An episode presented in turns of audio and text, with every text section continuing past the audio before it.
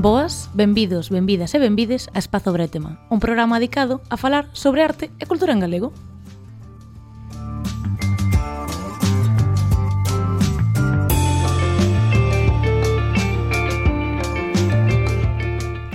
Bueno, eh, vamos a empezar polo obvio, non? Porque nos falta unha, unha chavalita aquí ao noso lado Bueno, polo obvio, pa xente que nos está vendo en YouTube, é verdad, pero pa xente que nos está escoitando non é tan obvio, bueno, Sandra. vamos a empezar entón explicando que a nosa queridísima Marina hoxe non pode estar aquí por problemas persoais. Entonces, vamos a todos mandarlle un besito gigante. Están nos nosos corazóns. Exacto. Eso non está morto, pero bueno. Ai, Sandra. está eh, moi viva. Entonces, bueno, pues vou facer a clásica presentación pero sempre sentindo no noso corazón a Marina, que estará en casa tranquilamente, tampouco os pensedes que... entonces aquí estamos eh, Jennifer Novoe. Hola. Hola, que tal, guapísima? Que tal? Moi ben, que Nada. Ben, bueno, pois pues un día máis, que vamos a facer? A ver como encaminhamos este programa as dúas solas, sen Marina. Bueno, pois... Pues, como vez... podamos. Como, exactamente. De como vez podamos. en cando faremos unha referencia. Ai, Marina, quanto te queremos. Naqueles anos da posguerra, cando íbamos as tres xuntas a coller patacas. Exacto. Además, claro, si nos basamos no noso programa, non o vemos desde Nadal. É certo. Entonces, bueno, creo que sigades con esa magia de que nos non vemos desde Nadal, Ese ¿vale? punto nostálxico. Claro. E nada, pois aquí vai a sección promoción, que é a sección que temos que facer sempre como personas decentes, que espero que nos estedes vendo en YouTube, porque primeiro hai que vernos, porque nós decidimos o look, como nos bellísimas para vir, e de verdade só nos vas escutar. Temos un estilista. Claro. No. bueno, de, deixa magia, deixa magia, mellor témolo. Eh, seres estilista. E queres participar en Espazo do Brete, mas estamos abertos a traer moda, bueno, sobre todo galega. Pero o estilista ten que ter en conta que somos tres persoas moi distintas, eh? É verdade. Eh, sí, é certo, ese é complexo, mm. eh.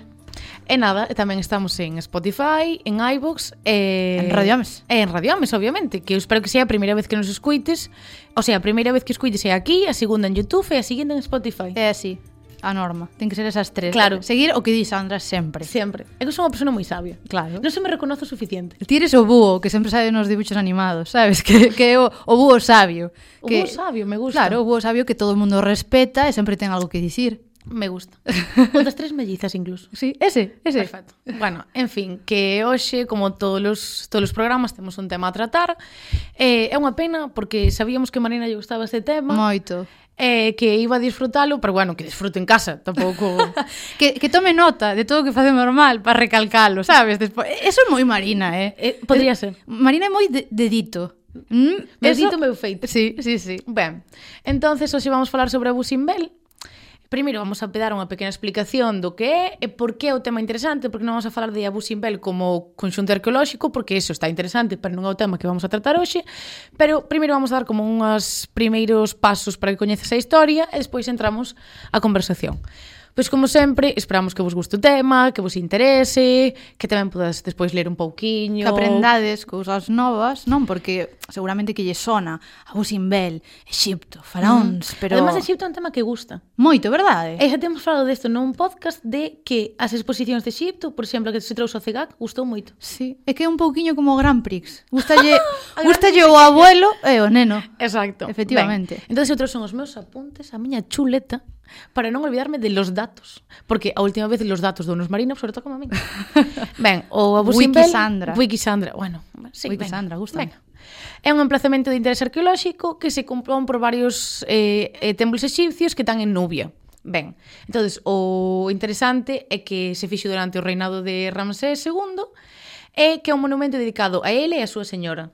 Bien, genial, a súa señora de PM. Hai que sempre respetar a señora. Claro que sí. Bien, entonces, cal é o interesante? Que de feito, Sandra, Dime, contame. perdón que, que, te, que, que che interrumpa, que che, che, che, Che. eh, que te interrumpa, porque, sabes, por exemplo, isto é moi común, non? O dos templos adicados a, a muller. Por exemplo, no caso de Abu Simbel, non? É a parella, non? É como hmm. en plan, adico yo a miña muller, pero eu estou presente. Claro. Pero no caso, por exemplo, do Taj Mahal en India, mm. é un monumento que, que está explícitamente eh, adicado a, a, bueno, a unha muller. Ahora non me acordo a cal, sabes? No, xa pero... me metín eu aquí nun en tema pantanoso. No, no, pero está ben, porque de feito faise moi a miúdo, xa nos estamos indo do tema, levamos un minuto do programa. Eh, por exemplo, eh, Luis XIV Non, Luis XIV non. Los 16 fixolle moitos templos e moitos lugares recreativos a María Antonieta. É, é dicir, é como unha maneira como de agasajar. Sí, en plan, pórtome fatal contigo, pero palacete, porque Pala... te quero mucho. A ver, compensa, habría que ver. non sei. Para pa eso, temos que traer a entrevistar a María Antonieta, Hombre, a señora que está dedicada ao Taj Mahal, que ahora non me acordo. Un cameíto, sí. Eh, claro. Bien, entonces, o interesante de todo isto é que no 68 fixose unha presa É dicir, unha presa artificial, pero case todos son artificiais. Uh -huh. Entón, Entonces, cal era o problema? Que a presa facía que a auga se movese de sitio e se inundase toda, toda a zona de Abusimbel. Entón, cal era a problemática? Que alguén dixo, what? E agora que facemos con todo isto? Non se pode perder? alguén dixo, arroba policía, ayúdame. Exacto. Entonces, eh, vínose na disyuntiva de que había que facer algo con eses monumentos. Exipto non tiña solvencia económica para facer unha solución. Uh -huh. Entonces, a ONU hizo che pequeno llama cuelga e dixo, ei, mi gente, me ayudáis? A UNESCO, a ONU, a, bueno, a ah, ONU sí. e a UNESCO tamén. Ben, entonces, eh, a idea dun primer momento era poñer un dique, o sea, un muro moi grande para tapar. Non servía. A auga pesa máis. E a seguinte... E que era moita auga, eh? Moita auga. Tanta auga, eh? Que despois acabou acabouse lle dando nome a ese río non vou dicir que non, porque non me acordo tampouco. Vais a dicir cousas que non sabe os cousas, vale. nombres. Pero sóname, sóname, vale? Sóname. Ben, entón eh, decidiron trasladalo. E eh, o interesante é que trasladaron peza a peza. Un a un, para volver a reconstruir exactamente como estaba nun primer momento en outro lugar, lonxe da presa, claro. Entonces, eh, cal diredes, buah, tuveron dous ou tres anos, non? Para facer isto, que guai. O sea, igual tuveron moitísimo tempo de para facer esta obra ingeniaril. Ajá. 14 meses. Eh, simplemente a ONU estaba, por favor, a ONU e a UNESCO, por favor, acabado dunha vez. Entonces, hubo como moita colaboración por parte dos países que forman parte destes destas organizacións e eh, formaron parte dun rescate a gran escala eh, dun dos dos dos patrimonios mundiais máis importantes que temos agora mesmo. De feito, hai moita xente, Lía, que se descoñece a historia e vai ao novo emplazamento, non sabe que está movido. O sea, foi unha algo tan eficaz sí. que a día de hoxe non se pode distinguir si estaba antes ou non. Pero se te das conta, non sabemos distinguir a xente estranxeira, efectivamente, pero a xente que a sociedade, non, da de Nubia, por exemplo, foi un un impacto uh -huh. moi grande a nivel eh, social e persoal para eles, non? Porque hai que eh, ter en conta que, que a presa que se fixo foi en prol, non, da eh, actualización dun país Non, o progreso, a sí. electricidade. Eh, non me vou a meter en, cu en cuestións políticas económicas porque non son politóloga e, e non é no, o meu, pero... Non, non é a carreira que estudiamos. Efectivamente. Xa nos chega de sobra. Pero, bueno, fíxese por eso, non? Pois para levar electricidade, bueno, incrementar a pesca, etc. Pero... Bueno, cuestións económicas que a veces queda un pouco fora do entendemento da poboación E, e que en realidad eu creo que eso pasa, de feito vamos a falar deses exemplos, uh -huh. que che venden desde arriba como é o gran progreso que necesitábamos, en realidad tío, que estás perdendo o teu. Sí, eu penso que é un tema eh, que pode ser moi debatido en torno, de feito hai debates en torno a isto, non?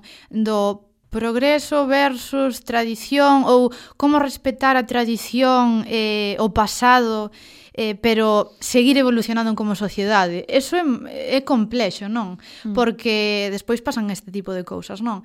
Que se lle, mm, que se lle quita a xente da, mm. dos seus emplazamentos habituais, das súas casas, das súas vivenzas, de como se codifican eles como sociedade, como se codifican tamén eh, a nivel persoal con ese tipo de monumentos, por Correcto. exemplo, a nivel social, a nivel eh, religioso, non, porque eh, son lugares de culto. Tamén. Entón, eu penso que tamén é interesante eh, falar dese impacto social, non? Que tivo mm. a realización desta presa, non, Sandra? Correcto. De feito, mira, Isto non o tiñamos falado previamente, pero que me acaba de vir, eu creo que hai moitos casos de modernización que afectan, por exemplo, o casco de Santiago. Sí. Sufre constantemente a hai que modernizalo, hai que poñer máis eh, mm, empresas que veña, eu que sei, que non quero dicir ningún nombre de empresa porque non van a pagar. No. Pero multinacionais, ese tipo de cousas, e eh, despois eh, moitas faltar, intentar cambiar o trazado, é dicir, faise como moito esforzo en que sea moi útil, moi rápido, que vala moito, que dé diñeiro. En realidad despois Si superemos cuidar as cousas, e si cando se fixe esta presa, por exemplo, isto descoñezo a problemática económica do momento, pero mellor, se sobre planteado por outro sitio, ou se verse planteado con máis tempo, se meter tanta prisa, poderese haber buscado unha solución para eh, que o conxunto arquitectónico non se tuvera que mover, porque ao fin e ao cabo, se o moves, podelo dañar en moitos sentidos. Eh, deixo che agora, perdón, porque estou aquí un pouco no, hilaria. tranquila. E, de feito, unha das problemáticas que tuveron é estaba moi ben resolto o tema de mover peza a peza, pero as pezas durante moito tempo tuveron quietas. Entón estabanse erosionando por estar deslocalizadas. Uh -huh. Que, bueno, erosionar máis, erosionar máis cando estén regaladas. Eso é moi interesante o que acabas de comentar ti, non? De que moitas veces querese facer un progreso moi rápido uh -huh. porque priman cuestións, pois eso, económicas, incluso eh, políticas non, porque a economía e a política están están ligadas. Nós evidentemente aquí estamos para falar pois de arte, cultura e como o patrimonio eh, se viu afectado. Pero eu penso que mm, en moitos casos cando se utilizan así eh, medidas tan drásticas e tan rápidas, mm. os verdadeiros afectados, evidentemente a parte do patrimonio, é a sociedade. Moitísimo. Eh, tamén hai que ter en conta que o patrimonio sen a sociedade non ten sentido. Ningún. Entón, que dende aquí tamén queríamos primar eso, non que a solución que se fixo foi como Vale, sí, queremos, pois eso, eh, desarrollar esta cidade, mm, vai, van vir cousas boas, pero non se pensou na xente. A xente, no. estamos falando dunha, dunha poboación que había moita parte de xente xoven, pero tamén moita parte de xente eh, adulta anciá. e anciá, xente que se criou eh, nunhas, paisaxe. Eh, cunhas condicións totalmente diferentes a unha cidade industrializada. Estamos falando de que en Nubia, eh, por aquel entonces, porque a presa penso que se fixo en 1960, Sí. Se non se non recordo mal, 1970. Bueno, a, a mediados do, do século 20. Acabouse de mover nos 68 todo. Porque penso que em, comezou eh, todo nos, mm. nos 60, sí. Eh, esta xente eh, anciá, estamos falando de unha sociedade que aínda tiñan como, como método de económico o intercambio, por exemplo, o mm. trueque. Mm. Eh, era xente que, que estaba moi arraigada á súa paisaxe. Mm. Eh, que era xente que, que se comunicaba, que, que mm, dialogaba cos seus monumentos dunha maneira tamén moi ancestral, non? Entón, xa non é solo eh, que che camen os teus monumentos, os teus lugares de culto, a túa tradición, o teu pasado, mm. senón que tamén eh, están a mudar o teu estilo de vida. Mm. Eso é un choque uf, moi grande, non? é que é como de repente pedirche que cambie todo, non? Que te levantes unha mañán e que teñas que estar a favor de todo o que está cambiando. E sempre se vende polo mesmo pau, eh? O progreso está moi ben. De feito, aquí está o exemplo de Porto Marín. Sí. Eh, que era unha, bueno, unha das cuestións que fixo, se fixo durante o réxime franquista é facer un montón de presas. Sí. Eh, entón, esas presas, evidentemente, xeran electricidade, xeran hombre, e xeran economía, xeran, pero acabaron fundindo un, un, un era unha aldea, que é unha aldea anteira. Unha aldea. Eh, porque nese momento vou facer a presa, a auga iba a levarse e iba a acabar con a, un pou. Entón era unha, eh, de feito, nós en clase vimos un documental, era jolín, era moi triste, porque eran as, as súas persoas, as persoas que cando finalmente fixeron como un pequeno dique para poder ir a algunha das casas, e chegaban ali e viñan todo mollado, as fotos que perderan, porque tuveran que irse en un día. As fotos que perderan, os recordos, a súa vida. E iso é tan importante, o sea, está na mesma línea perder iso que patrimonio. Eso é a túa cultura e a túa vida. Entonces, para min, se un, unha mañán me levanto e ahora mismo me din que vou a perder, vamos a decir con grandes exemplos, que se vai a quedar enterrada a Catedral de Santiago, evidentemente non son as miñas fotos dos meus pais de nenas, sabes? Pero é como, é parte do que eu entendo como meu. É unha cousa é, é se perdes é, un, un ben, non, é, material, Claro, aquí a xente di son ben materiais cando estamos falando da túa casa, da túa vivencia, dos teus recordos, eh, son materiais e inmateriais moitas cousas, Totalmente. non? Eh, unha cousa é perdelo por un desastre natural, como por exemplo pasou en Tenerife, non? Con o tema mm. do volcán, e outra cousa é perdelo eh, por un motivo eh, decidido por unha por un por un equipo, non, por un, mm. por persoas, algo que podría ser eh que se podría mudar de cousas, Totalmente. non?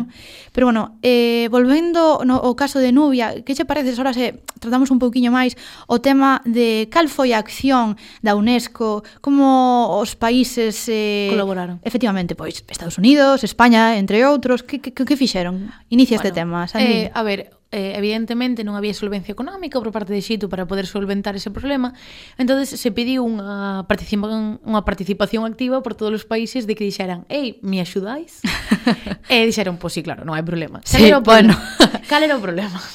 que moitos países, bueno, poden facelo de maneira máis ou menos altruista, sí, claro, non. pero en realidad é que a maioría das veces eh, desplegar eh, tal nivel de disposición económica para un país que non é o teu, ni siquiera o teu patrimonio, é suele ter como dobles dobles intencións. É que, mira, no momento no que ti fas unha acción, eh, por exemplo, benéfica, vale? Eh, ti sacas algo po teu ben propio, xa non é tan benéfico. Xa non é tan benéfico. E isto pasa en moitos en, en todos os ámbitos. En todos eh? os ámbitos, eh. Pero neste caso é como en plan, si, sí, bueno, eh, vou a Exipto colaboro, que colaboraron, moveron un montón de, mm. de monumentos, pero que pasou, Sandra? Que fixo Egipto para agradecerlle a estes claro, países? Claro, é que iso é gravísimo. O sea, este é o tema que había que pôr na mesa desde fai 15 minutos. que é o feido de que como non había diñeiro para devolverlle o favor, eh, regalaronse monumentos. Eh, de feito, son arabos porque é eh, o templo de Devot que está en Madrid. Madrid Vale. Bueno, aparte dunha anécdota aparte que super graciosa que é que perderon os planos do templo de Devot, está construído a ollo. O sea, eles dixeron, a ver, Eu recordo o templo desta maneira. Si ti pos unha pedra encima da outra coincide. No, en plan, Eles a ver, o Tetris o suficiente. Imos pensar, como queda máis exipcio? Como queda máis exercicio? Cale, cale Jenny. Eh, a maneira que non de xente... Di...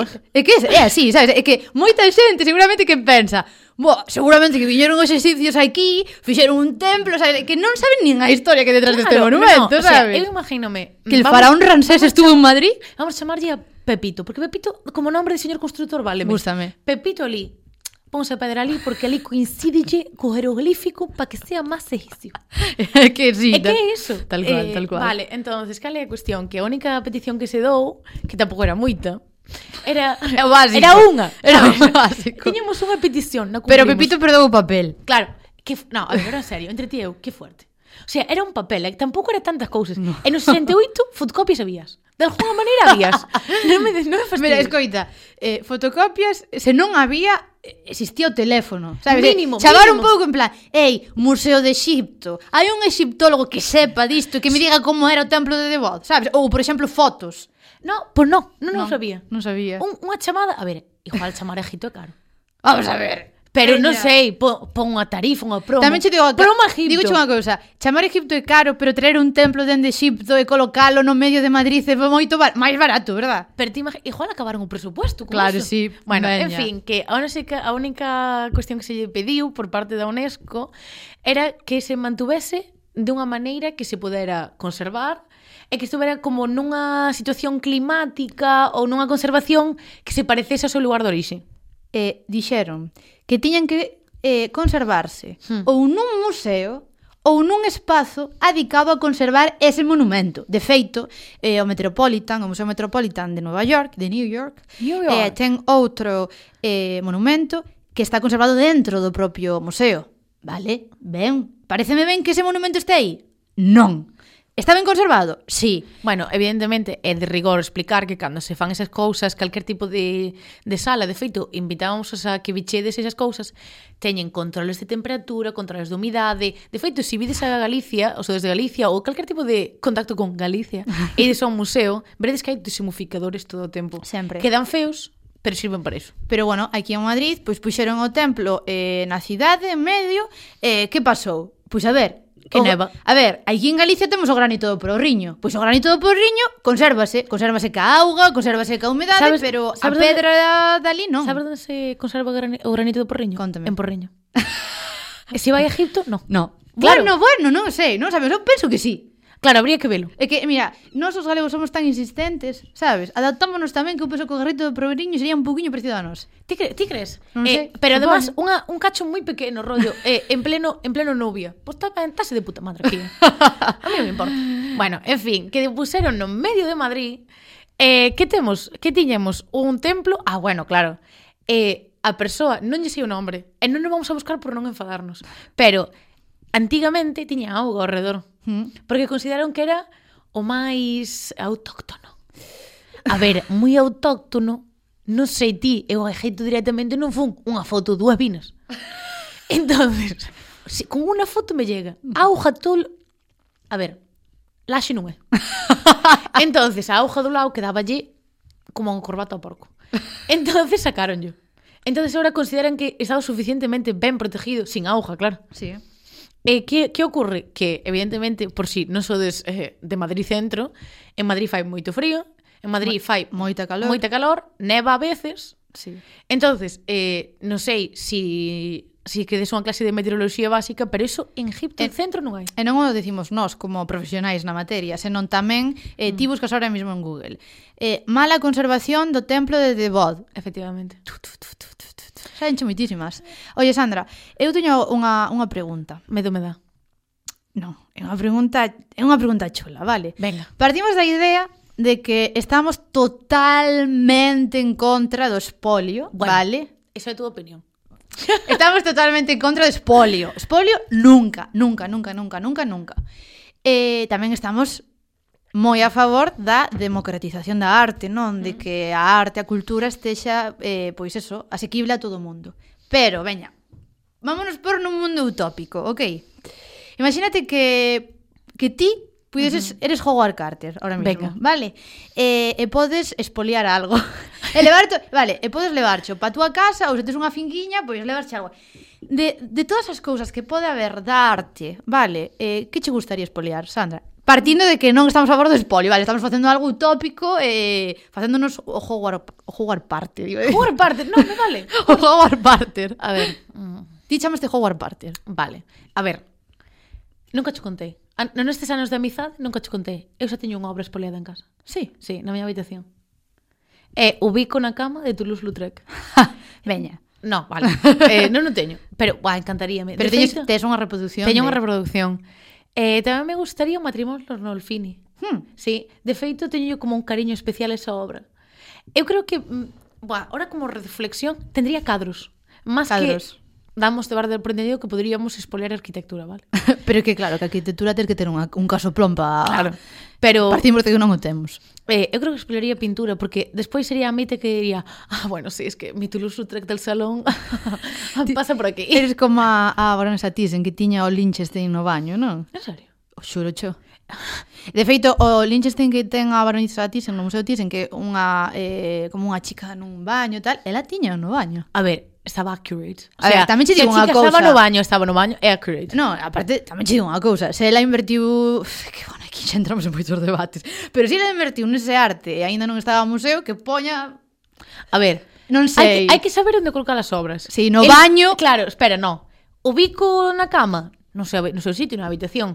Un bodegón, na cociña a, a señora que está nun baño. No é baño. que tampouco pesou moito. Claro, Chica no, no. con baño, baño. Claro, o sea, a mí pareceme de primeiro de pensar, eh?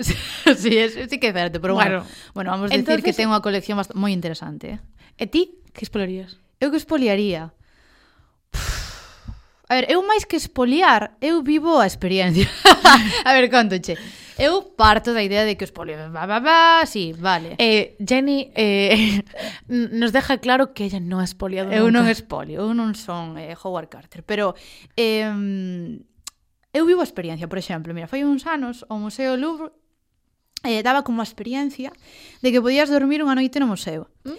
Eh, partindo de que pareceme mal, evidentemente, porque podrá asistir a esa experiencia aquel que teña cartos para podérsela permitir. E non vai entón, ser barata. Non vai ser barato, non todo o mundo vai ter acceso a esa experiencia e penso que a cultura de arte é algo, pois eso, uh -huh. que ten que ser eh, que ten que ter ese carácter demo, democratizador. Pero, postos a vivir a experiencia, a min gustaríame moitísimo almorzar.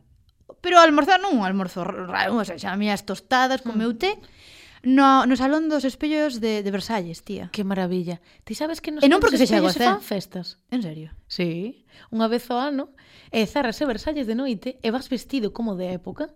E fans unha festa. Pero teño unha pregunta, quen vai vestido de época? Todo mundo, eh? O sea, xa, eu podo ir? Sí, claro, tens que pagar a entrada.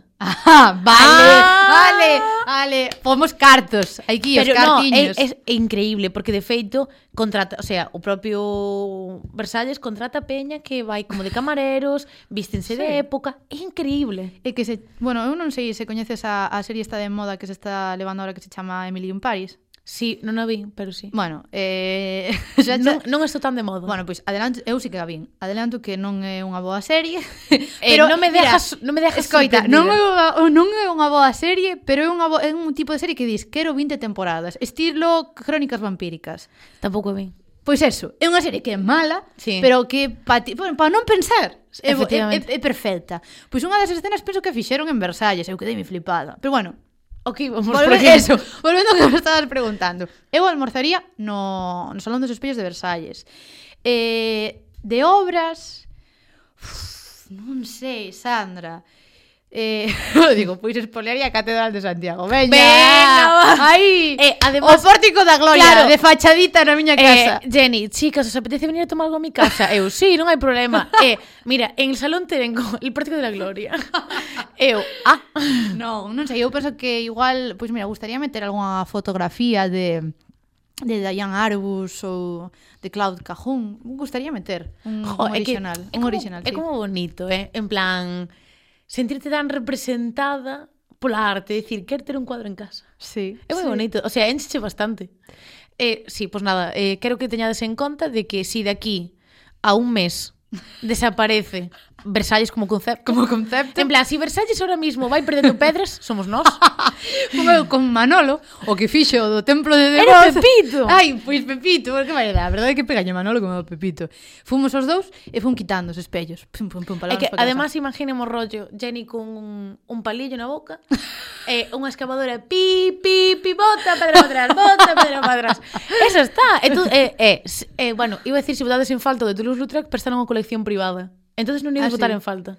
Ah, bueno. O sea, Sandra xa escolleu unha eh, obra que xa non está al alcance de todo o mundo. No, Máis de, de, de nadie, creo. De nadie. É que creo que é unha colección privada rollo casa. Non é rollo colección privada que podas visitar. É privada de en mi casa e se Ajá. queres te invito a tomar un café e podelo ver. Mas no. Vale. Bueno, eh, volvendo ao tema principal que tiñamos. Ah, pero eso contemplábase. Non era ser divagar Era broma. podemos divagar, ti xa sabes que podemos estar aquí todas horas. Pero, volvendo ao tema, eu creo que me digas a túa opinión como, como historiadora da arte, non? Eh, bueno, pois eso, especialista en xestión do patrimonio, ca, eh, que pensas sobre a xestión que se levou en Nubia? Mm. Eh, solución, se, se pensas que foi unha correcta solución? Se pensas que que farías, por exemplo, co, cos templos? Sabes? Está, pensas que está justificado que se levasen eses templos aínda que fose un agasallo? Cal é a túa opinión, Sandra? A ver, eu creo que o desarrollo que se fixo de, en materia de ingeniería está perfectamente ben feito. Eu creo que hai que deixar atrás a, a discusión de estaba ben facer a presa ou non. Creo que é unha cousa que hai que partir da base de que se fixo. Sabes que? Vouche cortar só un sí, momento. É que eh, a raíz do que dixeches ti. Lín nun sitio, e pareceu unha frase moi poética, moi bonita, que dicían que cando trasladaron a Busimbel, non? Mm. Que fora como moi poético porque a enxeñería eh, ancestral e a enxeñería eh, mm, actual mm, eh, envolvíanse con, como que xuntábanse para preservar ese monumento a día eh, de hoxe. Eh, a día de hoxe, pareceu moi poético. Jo, que bonito, o sea, que bonito. Continúe, señorita eh, Sandra. Nada, pois eso, que creo que hai que partir da base de que esa presa se iba a realizar e que se non había ningún tipo de solución real. entonces hai que partir de eso, creo que é unha solución increíble que acabas de definirlo perfectamente, poñer todos os esforzos actuais e contemporáneos para que a cultura e o patrimonio siga sendo como aquel día o recordamos, hmm. e, e que se tratara con tanto mimo a, a precisión, non? Donde eu falla, donde eu creo que falla, é no de regalar indiscriminadamente o patrimonio. Entendo que é un momento moi delicado, que non se sabe moi ben como recompensar aquela axuda que foi tan valiosa, pero ao final era, era algo como...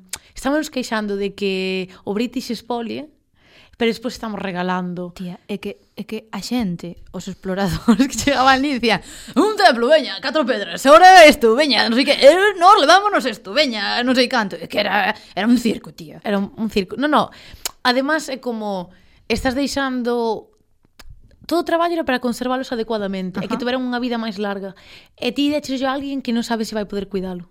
E non só eso, é que diches yo a alguén que non entende toda a simboloxía e o concepto que hai detrás dese monumento. É como, se, por exemplo, colles a Catedral de Santiago e pola en Nubia. Esa mm. sociedade non, non, non sabe, non, sabe, non dialoga co monumento da mesma maneira que dialogamos nós. Mm. Eso foi como quitarlle a esa xente parte da súa identidade cultural, eso gravísimo. Totalmente. Eh, é, é duro. É, e creo que ao final non estou tanto do resto de, excepto, por exemplo, que comentaste de, de Nova York ou de, ou de España, pero gustaríame saber algún día que o resto dos templos están en boas condicións ou que realmente están tendo unha boa vida, pero mellor non é unha parte dunha gran realidade.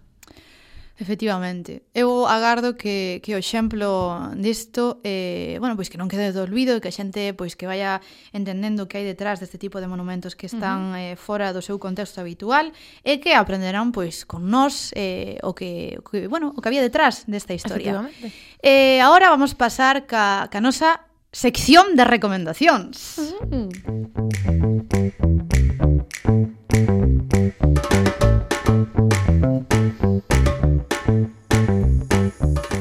nosa sección de recomendacións Que vos dicir a miña parte favorita, favorita do programa De feito, é tan favorita que xa vai no medio do programa Home, Pero bueno, hoxe ven no medio do programa por un motivo que despois xa, xa desvelaremos Como sabedes, a sección de recomendacións é un momento no que nos gusta ser nós mesmas e transcender un poquinho máis os límites da nosa terra. Falar das cousas que nos gustan. Entón, eh, Sandra, que nos trouxeches hoxe? Vas flipar sempre flipo contigo. Eh, contigo especialmente sempre flipo. Que é unha recomendacións tamén. Porque como nunca traio nin anime nin manga, trouxe son un manga. Ah, vale. a ver, eh, traxen un manga e un podcast. Vale. Veña, va. Non todo chapa de Japón. Vale. Chapa a medias. Bueno, pero gústanos, porque nos gústanos a multiculturalidade. Esa é verdad. Ben, recomendo vos o manga Parasite. Está totalmente publicado. É dos 90 ou algo así, por aí. O sea, podemos poñer o día, só son oito tomos, entón é como un miniserie. Hai o anime que eu non vi porque me estou reservando uh -huh. para disfrutalo máis. Vale. Eh, chamase Parasite de Itoshi Iwak... Ese apellido nunca sei. Iwake, non vos preocupades Iwaki. porque eh, vamos recordarvos que tendes absolutamente todas as recomendacións eh, na caixiña de YouTube e para a xente que nos estades desescoitando en Radio Ames, buscádenos arroba espacio bretema. En Instagram e eh, en Spotify tamén temos todas as recomendacións, claro. entón, fácil. Entonces, eh, a meña falta de pulir o, pulir o meu vocabulario en xaponés solventalo con solvéntase con vocabulario escrito. Non hai problema ningún. Efectivamente. Bueno, pois conta a historia de Shinichi é que unha boa noite entralle un parásito nun brazo el consigue paralo e de repente ten que convivir con ese parásito que toma formas aleatorias cando lle apetece Ajá. e, e o parásito contalle que hai moitísimos outros parásitos que están na Terra porque consideran que a única maneira de salvar o planeta é acabar con quen o está destruindo, que son os humanos. Ajá. Entón, eh, ten o tema de ciencia ficción, terror a veces, esa tensión. Además, cando lees que dis, non quero pasar a seguinte páxina porque alguén vai a morrer, eh, está superinteresante porque che fai un pouco reflexionar sobre... Fala moito sobre que os sentimentos son o que nos fan humanos. Uh -huh. eh, e invítache moita reflexión de que nos diferencia dos parásitos, estes estes seres creados no, no manga, de como nos identificamos cos sentimentos, como outras persoas a veces poden ler lerche por como te estás comportando, por eh, como te relacionas coa xente, si, e despois ten o transfondo por abaixo todo o tema de realmente somos un problema para a humanidade, o sea, a humanidade é un problema para o, para o mundo, para a Terra. Sobramos.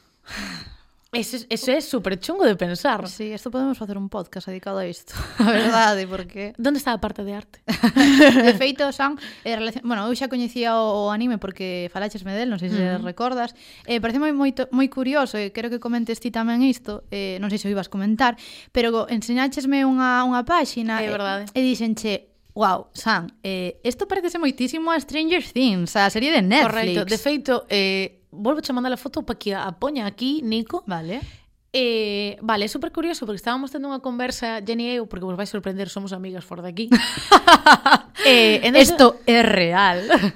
Toma, te quiero. vale, entón, bueno, eh, estábamos falando, estaba lle comentando bueno, en realidad estamos tendo un pouco coloquio sobre que moitas veces parece que todo é, boa, como influenciou Estados Unidos a Xapón, como influenciou Europa a Xapón. E despois hai unha escena que, eh, bueno, estes parasitos toman forma humana, uh -huh. pero teñen como a elasticidade de convertirse no que eles queiran, uh -huh. en calquer momento. E eh, comen a través da cabeza que se forma unha gran boca esa gran boca é ese, é o Demogorgon. Uh -huh. Ben, é poderosamente igual, exactamente igual que o Demogorgon de Stranger Things. De feito, cando empezou a comentarme isto Sandra, eh, dixen, va, esta xa se está flipando, seguramente que non é real, tal. Va, mándame a foto, Sandra. É que igual, tía. Totalmente. Aparte, de que, de que ano é o anime? Eh, o anime medio actual, pero un manga dos 80. Hola, plagio. Claro, entón, eh, ademais, eh, tamén ten ese rollo de o ben e o mal, Quer decir, non digo que evidentemente os creadores de Stranger Things que teñen outras moitas influencias. Sí, sí, sí. Pero que hai que romper un pouco as miras e ir máis alá de decir, ei, que Xapón é influencia de moitas cousas. Eh, que Xapón é unha cultura, que é un país interesante, uh -huh. que non estamos tan afastados deles. E que moitas das cuestións que vemos habituales, todo este tema de que cando ves películas de mm, peleas e mm. a, sa a sangre salte a chorros, eso é super xaponés, vale? Sí. O propio de Tarantino, Exacto. E que, de feito, o cine de Tarantino basase moitísimo na cinematografía xaponesa. Entón, pois recomendo vos moitísimo e, en xeral, recomendo vos que invitos, con todas estas recomendacións que fago, a ver anime ou ler manga porque ver como outras culturas reflexionan por temas comuns e universais axuda moito a descontextualizarte e dicir, ei, ei, que non a, mi a miña idea non é a de todo o mundo. Eu podo compartir ou non compartir o que pensan outras culturas e entendelos. Pero non ves como digo que é un búho? O sabio que o sabia que esta rapaza. Sois moi maior e sabia. e despois, para baixar un pouco o tema, o tono, eh, recomendo un podcast que se chama Quieres ser mi amigo? que é de Mario Marzo, Mario Marzo que salía en Los Protegidos. Ah, pero ah, sí, sei sí, quen é, sei sí, quen é. Eh, é más Dane, é super interesante porque estes dous chicos, esta historia é, o sea, non está inventado para o podcast, non está ficcionada, é real. Coñecéronse de festa porque tiñan un amigo en común uh -huh. e decidiron facer un podcast no que progresivamente cada programa é un día máis que se coñecen. Ah, que guai. O sea, todas as semanas graban un programa e en ese programa, evidentemente, todo está no límite do que queren contar da súa vida privada, pero van falando, vanse coñecendo pouco a pouco, entonces é unha maneira de que ti e eles nos fagamos amigos. E van falando da súa vida, e de que cousas teñen en común e que non, porque os dous son, bueno, Dane xa non me sona moi español.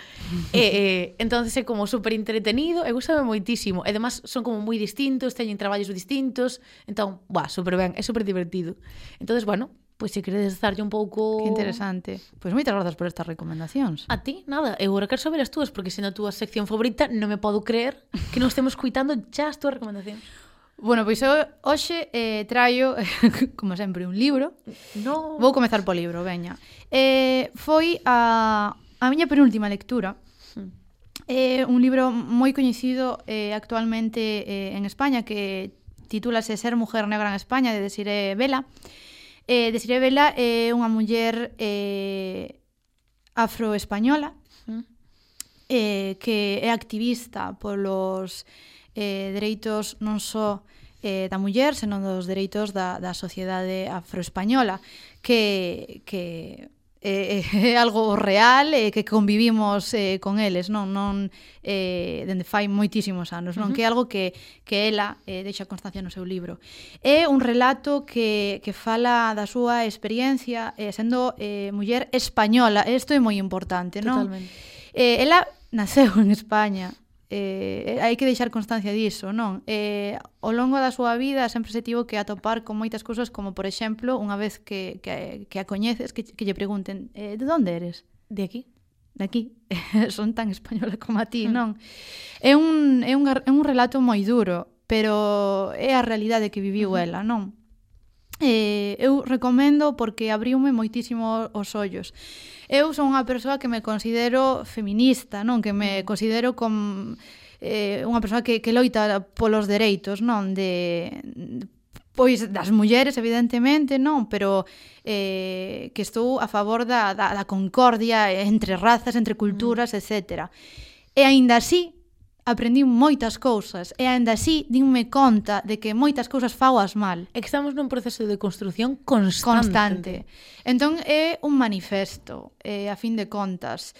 Eu penso que, que debería, de, bueno, deberíase ler eh, obligatoriamente, non vou hmm. dicir na escola porque quizáis sexa duro, eh, sexa duro e, e igual moitas cousas pasen desapercibido, non? Pero se non sabes que que ler agora, acabaches xa o, o, o teu o teu libro, eh, recomendo porque vaiche abrir moitos ollos. Por exemplo, a mí unha das cousas, bueno, eu xa o podes ver, Sana, teño todo o libro. Eh... De feito, é que lle pedín o libro e dixome, se non che parece mal, só so subrayei eu. Sí, eu sur... Eres de xa xente? Sí, teño todos os, os libros subrayados. E unha cousa que me, que me abrallou moitísimo e que me pareceu moi duro, ela fala da súa experiencia como muller afroespañola, pero tamén eh, fala eh, moito eh, do colectivo eh, tanto afroespañol como afroamericano, etc. Non? E, e contou unha cousa, a min moi terrible. Por exemplo, mira, en Estados Unidos unha lei que se chamaba Lei Tignon, vale? A lei eh, Tignon, Eh, bueno, o tignon en sí era unha peza de tela para adornar o cabelo usado por mulleres negras criollas procedentes de Martinica, bueno, Guadalupe, non? Eh, esas, a cuestión é a seguinte. Eh, expropiouselle a muller negra da súa propia identidade, da súa propia presencia, das súas pro... as súas propias características que codificaban como muller eh, de raza negra, non? Pois o seu eh, pelo rizo, etc. Eh, A lei Tinglion era uh -huh. eh, o, que, que, o que quería era que, esa, que as mulleres o levasen o pelo cuberto para que o home blanco non se fixase nelas e, pois, eh, non tuvese relaciones sexuais con elas, vamos. Como, por exemplo, o que pasa... Eh, É que claro, non quero falar moi especificamente, por se si acaso meto a pata, non, pero por exemplo na en parte do do judaísmo As mulleres ah, sí. rápanse. E eh, levan pelucas. Porque o pelo incita o acto sexual, a luxuria, etc. Mm. Bueno, pois eh, este tipo de cousas que, que, que, que te deixan abraiadas e que como muller branca eu eh, non vivín. Mm. Pero eso non quere dicir que esa realidade non exista e que non a coñeza. E que sea moi dura. De feito, para min hai dous, dúas cousas que foron as que... Bueno, unha principalmente, que foi que máis me abriu os ollos en cuestións de, de racismo que cando hai alguén ao teu redor que pode ser español pero teña rasgos como lle pasa a ela que é negra e o mellor ti por defecto dache por preguntar de onde eres uh -huh. que acaban como sentíndose de ningún sitio, uh -huh. non? É, é que eu non son daqui, é que tampouco non son o suficientemente, vamos a decir, por exemplo, que la de Sudán. Uh -huh. Non son o suficientemente de Sudán, pero non son suficientemente española, entonces non pertenezco aquí, nin pertenezo alá. Entonces, é como, jo, hai que entender que ti non tens que estar xuzgando a nacionalidade de ninguén por ninguna característica física ou, bueno, ningún tipo.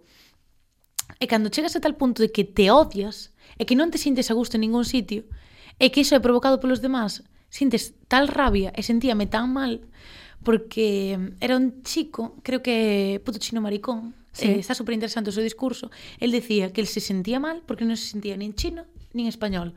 Cando iba a China nunca era suficientemente chino porque tiña costumbres españolas. E cando estaba aquí non era o sea, suficientemente español porque tiña rasgos chinos. É unha loita todo constante. o tempo. Uh -huh. Pois eh, recomendo este libro porque vai vos abrir eh, as miras, a verdade. Eh, Ser mujer negra en España, de Desire Vela. E despois, como sempre, porque eu son así de clásica, bueno, clásica no que é o procedimento, porque despois clásica non, son, non, eh, non, son, non sei nada clásica.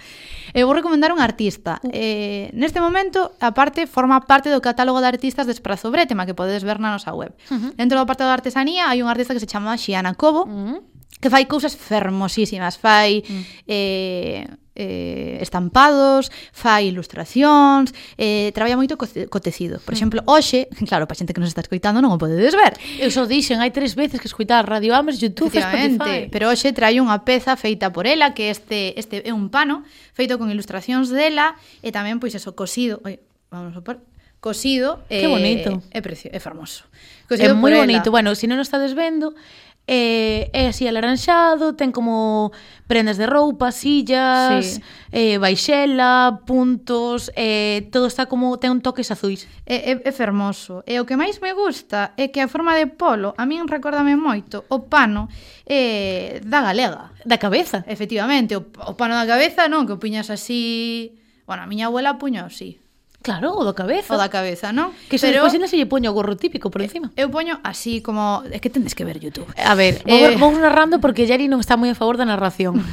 eh, nada, estaba pondo no cuello. Primeiro puxo na cabeza como os míticos panos...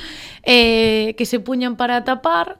Eso. Eh, despois puso no, no cuelliño porque é máis chica de cuellito. Eu tamén, eh? Eu tamén. Pero pois é, é a galega, non? De feito, o, o pano de galega de tamén de, uh -huh. de, do, regional, do regional. E a min Encántame. É moi bonito. Ademais é, bonito. é como algo moi especial, porque podes levar sempre, o sea, cando lle compras, sin desvalorizalo, obviamente, sabemos que non, pero cando lle compras un cadro a un artista é para ese momento telo na túa casa. Sí. É unha prenda de roupa ou un pano, lévalo sempre contigo. Sí. Eh, bueno, pois pues, quería deixar constancia desta recomendación de que ten cousas fermosas e eh, é unha chica moi maja que, que bueno, que ten esa cousa especial.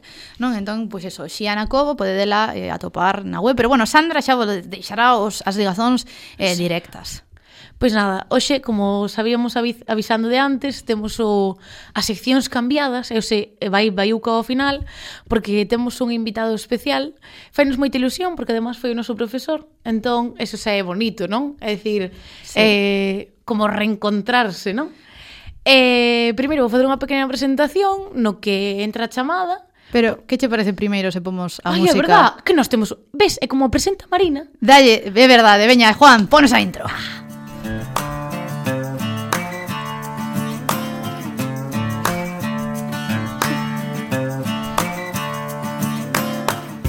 Isto pasa porque temos que votar de menos a Marina. Claro.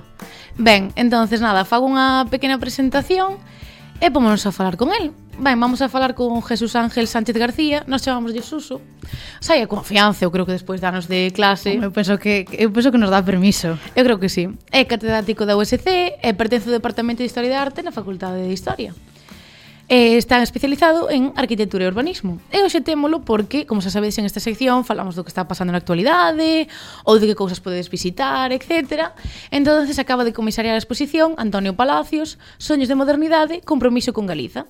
Ben, entonces nada, pois pues, eh, que, que mellor opción que, que el mismo o primeiro invitado ao noso programa. Eu estou nerviosa. Que non en persoa, eh? Este, pero bueno, pero bueno. Ben. Suso, escoitanos. Hola. Sí, hola, hola. boa tarde. hola, que tal? Unha grande oportunidade esta de, bueno, inaugurar esa, esta modalidade de entrevista e tamén de saudarvos, aínda que non hai to, tanto tempo que deixache desas aulas. Que va, non. Eh, además, como te vas a esquecer de nós? Seremos as pesadas de turnos, Uso. Por suposto. bueno, pois pues, moitísimas gracias, de verdade. Eh? Non se esqueceu. Ah, moitas grazas, oh. Uso. Eh, nada, queríamos darche as gracias antes de empezar, porque evidentemente para nós é unha honra que estés con nós e que saques un ratiño do teu tempo para contestarnos unhas preguntas. Nada, o que queirades, sí. Ben, pois nada, empezamos para que non perdamos máis tempo, se teñas eh, tempo que queiras para falar. Ben, como se estábamos adiantando, é eh, para a exposición de Antonio Palacios, entonces, se nos podes decir unhas palabras quen é Antonio Palacios.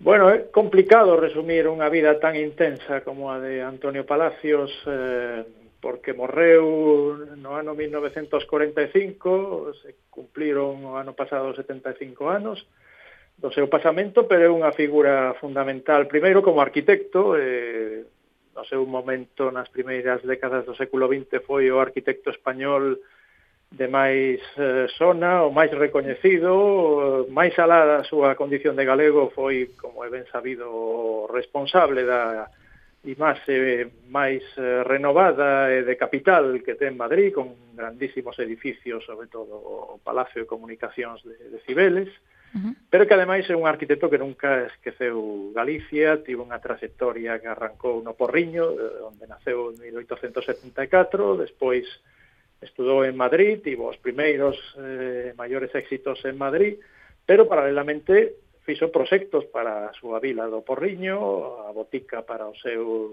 irmán eh, José, eh, fixo a Fonte do Cristo, fixo o suposto proxecto do Concello do Porriño, que é outra obra maestra uh -huh, de Palacios, uh -huh.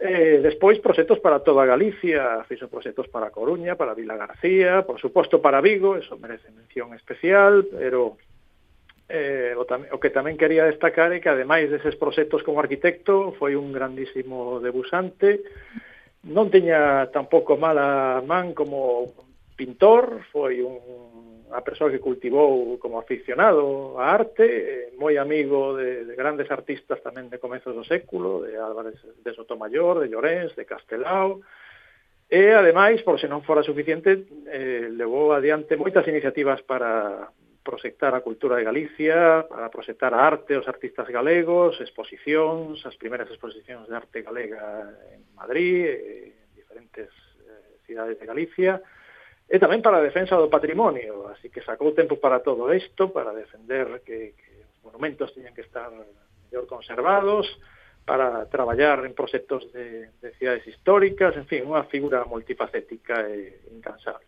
Wow, todo un hito, verdad? Sí, Temos verdad un hito sí. aquí galego e non estábamos falando suficiente del. De feito, claro, entendo que o que se plantexe na exposición é a falar da súa figura, non? Sí, é revisar a súa figura, que xa tivo moitos recoñecementos, sobre todo en Madrid, curiosamente máis recoñecementos en Madrid, eh, porque, bueno, foron tan importantes os grandes edificios que proxectou alá, hoxe en día calquera que se poña na Praza de Cibeles, dando as costas a Fonte de Cibeles, e mire cara arriba, e ves a por un lado a esquerda a Rúa de Alcalá, e por outro lado Gran Vía, ve inmediatamente, bueno, detrás deixas o Palacio de Comunicacións de Cibeles, que é unha mm. obra ao nivel do mellor arquitectura, da mellor arquitectura europea da época. Pero que eh, mirando á esquerda está o Círculo de Belas Artes, está o Banco Mercantil e Industrial, e mirando á dereita está eh, o banco que se chamou do Río da Plata, que é o, sea, o Instituto Cervantes, o sea, que solamente con eses 4 ou 5 edificios xa eh, as mellores perspectivas que ten Madrid nesa zona central tan potente de Madrid eh, son edificios, son eh, de palacios os que marcan uh e chaman a atención non só dos nacionais, senón tamén de moitos visitantes estranxeiros que pasan por ali. Claro, a veces non sabemos o que estamos vendo, non? Non, é certo. De feito, o a idea do programa de hoxe era un pouco eh, falar deste tipo de cousas, mm. non? Abrir a ollada e ir sí. máis alá. sí. Eh, entón, cal é como a iniciativa, cal é o motivo que ti dirías, vale, esta é a razón pola que deberías vir a, a ver a exposición, que é o que te vas a levar contigo eh, tras esa visita. Sobre todo po público no que non é especializado. Que non, efectivamente, que non ten unha ollada tan especializada. Bueno, o primeiro é que non é unha exposición para especialistas, hai moi poucos planos, eso foi deliberado, porque, ainda que eu si sexa un especialista investigador de Historia e Arquitectura e teña que traballar constantemente con planos, pero o que teño moi claro é que para o gran público, que para xente que se fan estas exposicións, os planos atragantanse moito porque son eh, duros de diserir. Sí, digamos. totalmente. Eh, en cambio, nesta exposición o que se propón é recuperar eh, eh e poñer en valor a obra de Palacios en Galicia, fundamentalmente en Galicia, sen esquecer a obra en Madrid, porque eses principais edificios de Madrid están aí, se uh -huh. contan, non se poden olvidar, ni moito menos, pero eses son os comenzos de Antonio Palacios. O que é que contar tamén é como durante toda esa trayectoria de éxitos en Madrid, el nunca deixou de lado mirar para Galicia. Ademais, con unha grande generosidade, puesto que regalaba moitos proxectos simplemente para que aquí os seus paisanos poideran tamén ter edificios do mesmo nivel eh, da mesma calidade que se estaban facendo en Madrid. E así se fixeron eh, proxectos como o Teatro García Barbón de Vigo, ese Concello do Porriño que mencionaba antes, que foi un regalo de Palacios a súa vila natal, e tantísimos outros, o, a igresa de, do Templo Votivo do Mar de Pansón, a igresa, a igresa do Veracruz do Carballiño, están entre os principais, que, que, que siguen chamando con total justiza a atención, e Eh, tamén eh, edificios industriais como a central eléctrica do Tambre que está máis escondida, máis difícil chegar alá, pero tamén un edificio magistral en como cambia de registro, utiliza de maneira distinta a pedra e os acabados exteriores para integrar esa eh, fábrica de electricidade que o que é eh, na paisaxe para ser unha, unha estructura que non rompa coa paisaxe. Isto eh... todo percorrido da, da exposición o que intenta amosar é eh, eses comezos exitosos de Antonio Palacios, pero tamén esa vinculación tan forte que el mantivo con Galicia, a exploración da tradición, da historia, da arte galega, ata formular unha arquitectura específica, unha arquitectura que se vai recoñecer como regionalista, e todas as bases e contextos, eh, bases históricas e contextos que rodearon eh, esa produción de Palacios e esas outras actividades que mencionaba antes, eh, do Palacios Artista, debusante, divulgador da arte, divulgador dos monumentos, eh, estudoso do patrimonio, etc. Vamos, é unha oportunidade perfecta para reencontrarte con un artista galego que triunfou fora e que sigue recordando o noso, o noso a nosa terra, non? Sí. Eh, Susou, teño unha pregunta así moi cortiña. Eh, eh, que, que recepción está tendo a, a exposición? Está tendo boa, boa recepción por parte do público? Como foi a inauguración? Ah, pois sí, a exposición está funcionando eh, tendo bastante boa recepción, o número de visitas eh, é eh, moi alto, collemos tamén unha boa etapa para inaugurar, que foi finais de ano, collendo todas as vacacións do Nadal, e agora, ademais, se decidiu prorrogala ata o 31 de marzo, mm. o cal aínda hai máis meses para desfrutala, cosa que non veñe nada mal, porque esta foi unha exposición complicada, que se tivo que adiar polo menos dúas veces eh, por culpa do, COVID, de todas ya. as restriccións. Épocas difíciles. Padecer. Uh -huh. Claro, a ver, é que as épocas son difíciles, entón está super ben que se vai alargar un tempo, tamén invitamos aos nosos espectadores a que se acheguen, que con esta que con esta ampliación van poder, bueno, pois ver a exposición que a mellor non estaban dendo oportunidade. E coñecer a figura, non? Mm. E era para rematar, así como pregunta como experto, obviamente, que non podemos pedir máis como vestiu o panorama cultural galego en torno á creación de novas exposicións. Ti crees que se están facendo suficientes. De maneira asidua, sí. estánse facendo de maneira adecuada, consideras que temos como unha boa proxección a hora de realizalas? A ver, este é un tema moi amplio ah, para Aquí sí, sí. Pero sintetizar. A, a verdade é que agora o primeiro que hai que destacar é que se reactivaron moitas exposicións que estaban nos caixóns esperando, como ocorreu, ocorreu con esta de Palacios, porque eh, despois do, do COVID, esto, esto, todo o parón de, de meses que tivemos aí, Agora se aprecia que houve unha reactivación moi potente tanto de importantes exposicións institucionais, Xunta de Galicia, como fundacións, eh, bueno, eso é de agradecer. Uh -huh. eh, penso que tamén deberíamos eh, eh, ter eh, aprendidas algunhas leccións de, dos tempos eh, eh, do COVID, ¿no? no sentido de que as grandes exposicións e as grandes concentracións de xente o mellor non son único, o único camiño que, que vale a pena uh -huh. explorar. Totalmente de acordo. Pro, probablemente tamén tendo en conta as dispersións de, da nosa poboación, eh, a realidade dos núcleos eh, que está espallada a poboación de Galicia, nos que vive a xente, este territorio, o mellor exposicións máis liseiras, máis pequenas, eh, itinerantes, eh, tamén de, de baixo coste, poderían ser outra opción a explorar, ¿no? Teríamos uh -huh. que, que ver estas, eh, insisto, estas leccións, ¿no? Dos, dos meses difíciles que tivemos, das restriccións de mobilidade, ¿no? Para tentar achegar de outras maneiras as exposicións a xente.